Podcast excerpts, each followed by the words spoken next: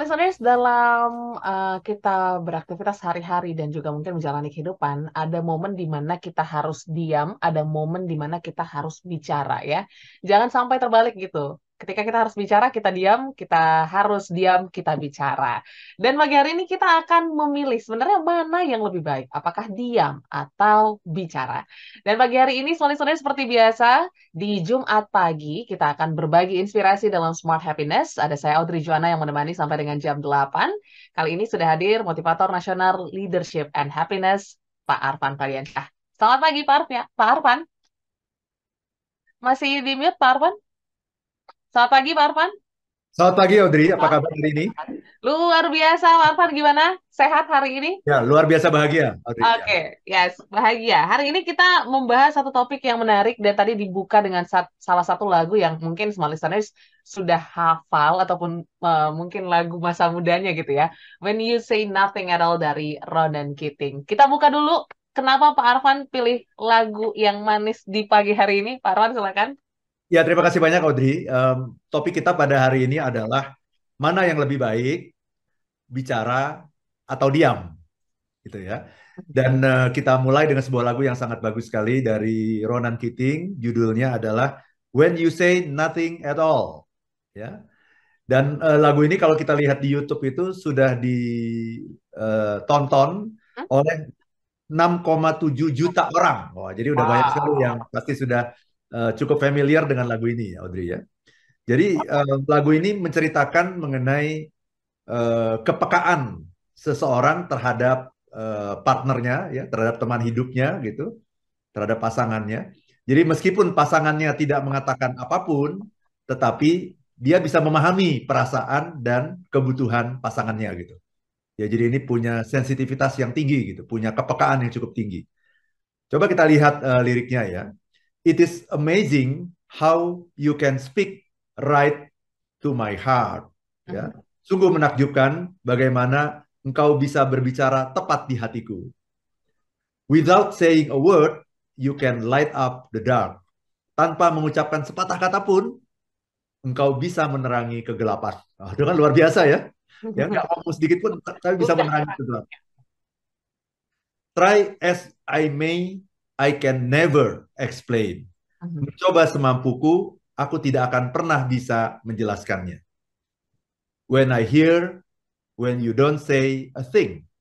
Apa yang aku dengar ketika engkau tidak mengatakan apa-apa. The smile on your face lets me know that you need me. Senyum di wajahmu membuatku tahu bahwa engkau membutuhkanku. There is a truth in your eyes saying you'll never leave me. Ada kebenaran di matamu yang mengatakan bahwa kau tidak akan pernah meninggalkanku. The touch of your hands says you'll catch me wherever I fall. Sentuhan tanganmu mengatakan kau akan menangkapku di mana pun aku jatuh. You say it best when you say nothing at all. Engkau mengatakan yang terbaik justru ketika engkau tidak mengatakan apa-apa. Nah, itu dia dari Ronald Keating. Yes, tapi mungkin melihat situasi dan kondisi seperti ini agak cukup sulit ya melihat orang ataupun menemukan orang yang kayaknya bisa peka banget uh, dengan apa yang uh, ia rasakan, ya pikirkan gitu ya Pak Arfan kalau di dunia nyata sendiri. So mungkin kalau di relatekan gitu dengan topik hari ini uh, mana yang lebih baik diam atau bicara ini sebenarnya arahnya lebih ke mana nih Pak Arfan? Mungkin boleh diinformasikan uh, terlebih dahulu sebelum kita berbincang lebih lanjut. Ya, jadi uh, banyak orang yang mengatakan atau beranggapan bahwa bicara itu lebih baik gitu. Oke. Okay. Ya, dan uh, orang yang bicara itu sering kali jadi lebih uh, banyak dikenal orang kan. Mm-hmm, mm-hmm. Orang yang bicara itu jadi kelihatannya lebih menonjol kan. Kan kalau kita cuma diam saja, ya tidak ada orang yang akan mengenal kita. Tidak ada, ada orang yang akan mengetahui kemampuan kita, kehebatan kita. Dan tidak ada orang yang akan menggunakan kita untuk kebaikan gitu. Ya, jadi banyak orang yang beranggapan bahwa kita harus bicara gitu, ya. Dan bicara menjadi sebuah keunggulan ketimbang diam. Ini menghasilkan pada akhirnya dunia yang bising gitu. Okay. Karena terlalu banyak orang yang bicara. Ya. Terlalu banyak orang yang bicara karena beranggapan bahwa dengan bicara itu dia akan mendapatkan kesuksesan, hmm. gitu ya. di lain pihak gitu ya, ada orang yang mengatakan uh, paradigma yang satunya lagi gitu, yang mengatakan bahwa diam itu emas katanya. Oke. Okay. Ya, diam itu emas. Terus kalau diam itu emas berarti bicara itu perak dong gitu ya. Juara dua ya. Iya kan? Jadi mana yang benar nih sebetulnya nih? Apakah kita lebih bagus bicara ya karena dengan bicara kita akan lebih dikenal orang atau kita lebih bagus diam karena katanya diam itu emas gitu ya. Dan uh, dunia saat ini memang dunia yang bising, Audrey. Ya. Apa dunia ini sangat bising? Karena semua orang tuh ingin berbicara. Hmm. Terlepas dari dia punya sesuatu yang dibicarakan atau tidak punya sesuatu yang dibicarakan gitu. Itu. Jadi ada yang mengatakan orang bijak itu adalah orang yang uh, berbicara karena ada yang mau dikatakan gitu. Sementara orang yang bodoh itu adalah orang yang berbicara karena dia harus berbicara gitu. Itu. Jadi justru berbicara itu nanti akan mengungkapkan kebodohannya gitu. Karena dia iya. tidak punya sesuatu yang pantas untuk dibicarakan gitu. Nah, itu yang akan kita bicarakan uh, pada pagi hari ini dan tentunya nanti kaitannya ujungnya adalah kepada kebahagiaan. Mana yang lebih akan menghasilkan kebahagiaan? Bicara atau diam? Ya. Gitu. Oke, menarik sekali topik kita pagi hari ini ya. Di tengah bisingnya dunia, kira-kira kalau Anda sendiri, small listeners, lebih memilih apa? gitu ya, Bicara atau diam gitu ya. Karena kan um, kayaknya setiap orang punya pilihannya masing-masing ya Pak Arfan ya. Mungkin ada yang justru lebih dominan diam saja gitu, malah sulit untuk berbicara. Ada yang bicara terus tapi uh, sulit untuk diam. Nah, nanti itu seperti apa sebenarnya uh, kategori-kategori orangnya nanti kita akan kenali lebih lanjut ya Pak Arfan ya setelah yang satu ini. Jadi kita break dulu small listeners untuk Anda yang punya pertanyaan silahkan dikirimkan di 0812 11 12 959 atau bisa di live chat YouTube kami, kami jeda sesaat. Baik, small listeners, terima kasih untuk Anda yang masih uh, menyimak perbincangan kami pagi hari ini dalam Smart Happiness di jam 7 sampai dengan jam 8 pagi kita membahas tentang mana lebih baik, diam atau bicara. Mungkin sebagian dari kita um, apa ya, sulit gitu ya menentukan pilihan ini karena tadi seperti yang Pak Arfan katakan, ada yang bilang bicara itu penting, ada yang bilang diam itu emas gitu ya. Jadi mungkin agak dilema gitu. Atau mungkin kita harus menyesuaikan situasi dan kondisinya. Tapi kita cerita dulu mungkin ya Pak Arfan ya, eh, bicara tentang bicara atau diam, mungkin ada beberapa orang yang lebih dominan bicara aja terus gitu ya tadi tanpa ada apa tujuan tertentu. Ada orang yang diam aja gitu, tidak mengutarakan perasaannya bahkan. Ini um, apakah akan apa ya menjadi sesuatu yang buruk gitu ya ketika kita lebih dominan gitu ya bicara bicara aja, diam diam aja. Silakan Pak. Terima kasih Audrey. Jadi seperti yang saya bilang tadi ya, uh, wise men speak because they have something to say. Mm -hmm. Fools men speaks because they have to say something. Mhm. Nah, itu bedanya tuh. Jadi orang yang bijak itu berbicara karena memang dia punya sesuatu untuk dibicarakan. Orang yang bodoh itu berbicara karena memang dia harus berbicara gitu. Karena kalau dia nggak berbicara tuh dia nggak dilihat orang gitu. Jadi sebetulnya yang paling penting sesungguhnya adalah apa manfaatnya gitu. Mhm. Ya, mana yang lebih memberikan manfaat kepada kita? Kalau bicara lebih memberikan manfaat kepada banyak orang, bicaralah. Ya, tapi kalau Anda tidak punya sesuatu untuk dibicarakan, berarti bicara itu tidak membawa manfaat bagi siapa pun gitu. Oke. Maka pembicaraan Anda itu namanya bukan voice. Oke. Noise. Noise, ya. Noise. Noise itu adalah orang yang bicaranya hanya bicara yang mengulang-ulang apa yang sudah dikatakan orang. Bicara yang memang semua orang juga sudah tahu. Bicara sesuatu yang tidak penting bicara sesuatu yang uh, tidak ada kaitannya dengan kesuksesan kita, dengan kebahagiaan kita. Bicara yang memancing permusuhan. Itu kan ada kan orang yang bicaranya asal gitu, sampai menghina presiden kan? Betul. Ya kan? Masa ilmuwan katanya ilmuwan kok kayak gitu gitu ya, menghina presiden dengan kata-kata yang sangat tidak pantas gitu ya. Dalam negara demokrasi ini kalau orang nggak setuju ya silakan gitu. Kita kan nggak harus setuju kan. Ya ya kan? Presiden itu kan bukan dewa gitu kan. Presiden itu kan bisa salah. Presiden itu kan bisa di dipertanyakan kebijakannya gitu. Ya, tetapi bersikap kritis dengan menghina itu dua hal yang berbeda gitu. Ya, apalagi kemudian menghina dan kemudian membuat keonaran gitu ya, membuat jadi banyak orang yang marah, banyak orang yang tidak nyaman gitu ya. Nah, itu artinya apa? Itu bicara yang sebetulnya tidak ada gunanya gitu. Jadi bukan bukan wise man tadi. Wise man speak because they have something to say. Orang yang bijak itu berbicara karena ada sesuatu yang memang pantas untuk dibicarakan, pantas untuk didengar orang banyak, bermanfaat, berguna. Tapi false man speaks because they have to say something gitu. Karena saya ini pengeritik pemerintah, maka saya harus mengatakan sesuatu. Karena kalau saya tidak mengatakan sesuatu, nanti saya men, uh, tidak menjadi orang penting lagi, tidak menjadi orang yang dibicarakan masyarakat lagi. Karena itu saya harus mengatakan sesuatu. Nah itu. Oke. Okay. Because they have to say something. Nah itu katanya orang bodoh tuh kalau menurut uh, apa namanya kata-kata bijak ini gitu. Mm -hmm. Jika Anda bicara itu pastikan ada manfaatnya, ada gunanya. Kalau tidak ada gunanya, diam. Uh-huh. Jadi kan ada uh, hadis Nabi juga kan seperti itu kan. Uh-huh. Hadis katakan kalau kamu ada sesuatu yang ingin kamu sampaikan, ya maka bicaralah. Tapi kalau memang nggak ada yang baik yang ingin kamu, yang bisa kamu sampaikan, diamlah. Okay. Baik diam gitu daripada mengatakan sesuatu yang tidak baik. Karena kalau kamu tidak punya sesuatu yang baik untuk dikatakan, tapi kamu masih mengatakan sesuatu, ya itu pasti sesuatu itu tidak baik gitu. Okay. Karena kamu tidak punya sesuatu yang baik untuk dikatakan, masih ngomong juga pasti itu nggak baik gitu. Tapi kadang pemahaman kita sendiri gitu kan, ini menganggap yang saya sampaikan ini kayaknya ini yang terbaik gitu Pak Arfan. Nah ini untuk mengantisipasi atau mungkin apa ya menilai kadar apa yang kita bicarakan ini benar-benar menjadi manfaat gitu untuk orang-orang yang mendengarkan tuh sebenarnya seperti apa Pak Arfan? Ya sering kali kan kita kegeeran ya. Mm -hmm, betul. yang beda mungkin banyak orang ya nggak apa-apa oke okay.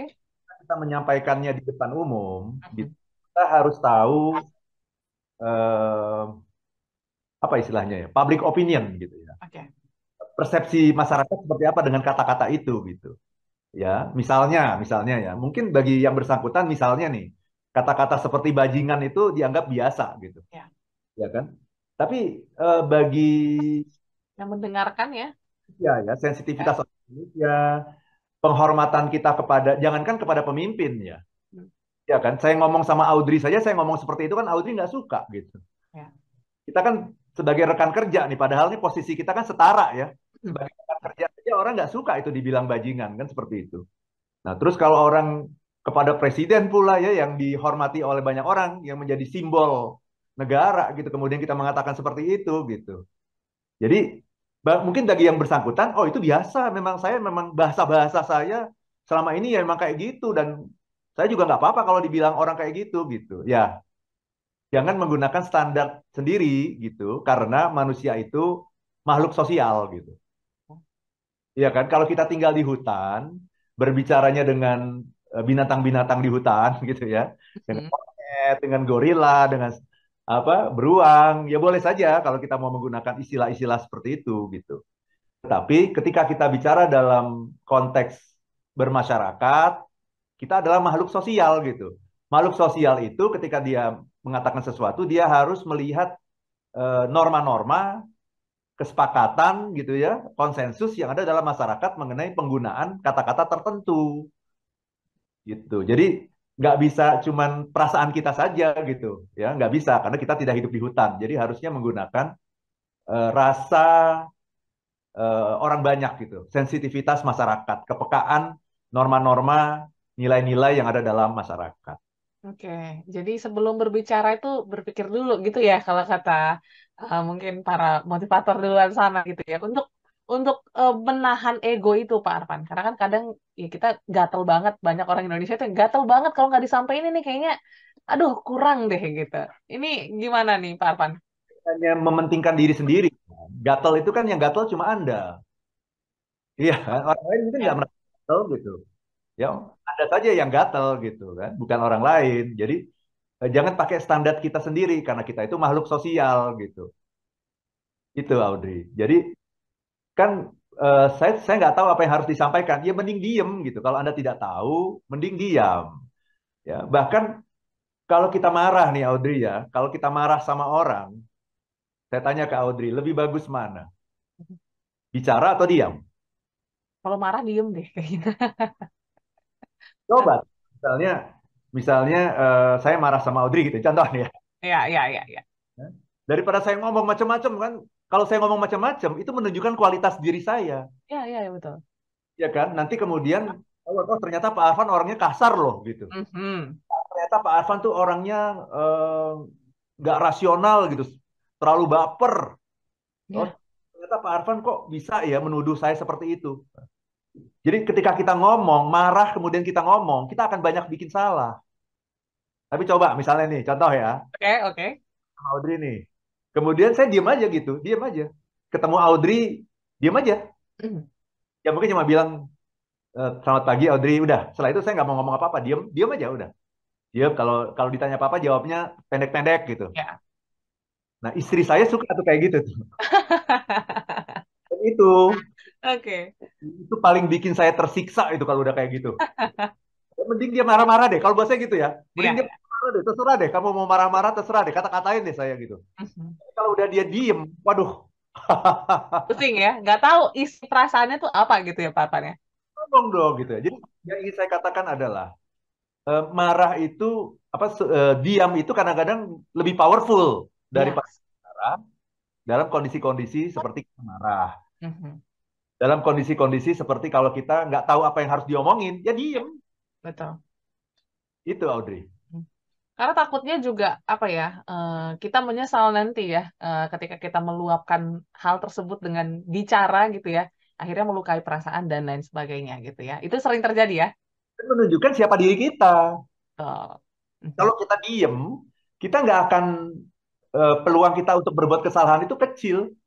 Uh -huh. saya, saya dulu pernah punya uh, atasan gitu ya kalau marah tuh diem gitu ya udah kita udah saling udah tahu aja ya? uh-huh. ngomongnya pendek-pendek gitu ya jadi uh, justru menurut saya itu sangat powerful nanti ketika marahnya sudah hilang nah ini eh? ketika marahnya sudah uh, turun gitu emosinya dia bicara uh-huh. kan itu juga sebetulnya rumus rumus dalam anger management kan begitu Audrey ya, ya. kalau kamu sudah marah diamlah uh-huh kalau nanti kemarahanmu sudah mereda, bicaralah. Oke. Okay. Jangan dibalik. dibalik Audrey. Ketika yeah. kamu marah, bicara sebanyak-banyaknya, ya kan? Saya mau begini, saya mau begitu. Kamu begini, kamu begitu. Setelah marah, kemudian kan lega kan? Mhm. Ketika sudah lega gimana orang? Diam. Nah itu kebalik gitu. Jadi ketika kamu sedang marah, diamlah. Tunggu sampai kemarahanmu mereda. Karena kalau kamu bicara, kamu akan membicarakan hal-hal yang tidak penting. Tapi kalau kemarahanmu sudah reda, bicaralah. Karena pasti ada sesuatu yang perlu diperbaiki. Itu yang membuat kamu marah. Sampaikan kepada tim membermu, kepada pasanganmu, kepada anakmu, anak buahmu, siapa pun, temanmu, sampaikan apa yang ingin kamu sampaikan dengan cara yang baik setelah kemarahanmu mereda. Oke, itu ya. Jadi diam ini kadang perlu ya um, tahu tempat, tahu posisi dan situasi seperti itu. Tapi nanti kita uh, berbincang lagi nih Pak Arfan, karena banyak orang yang memilih diam-diam aja didiamin gitu ya sampai akhirnya menumpuk dan lain sebagainya. Untuk tahu momen kapan kita uh, harus bicara gitu ya, uh, karena kan apa ya nggak semua orang seperti Ronan Keating gitu ya. Akhirnya paham dengan apa yang dirasakan lawan bicara dan lain sebagainya. Harus juga tetap diomongin karena kita makhluk sosial. Gimana caranya untuk mengcombine kedua ini? Setelah ini soalnya kita akan lanjutkan perbincangan kita di sesi yang ketiga. Yang masih punya pertanyaan ataupun pengen sharing gitu ya silakan di 0812 11 12 959 di live chat YouTube kami juga bisa dipergunakan untuk berkomentar dan sapa-sapa pagi hari ini. Tetaplah bersama kami dalam Smart Happiness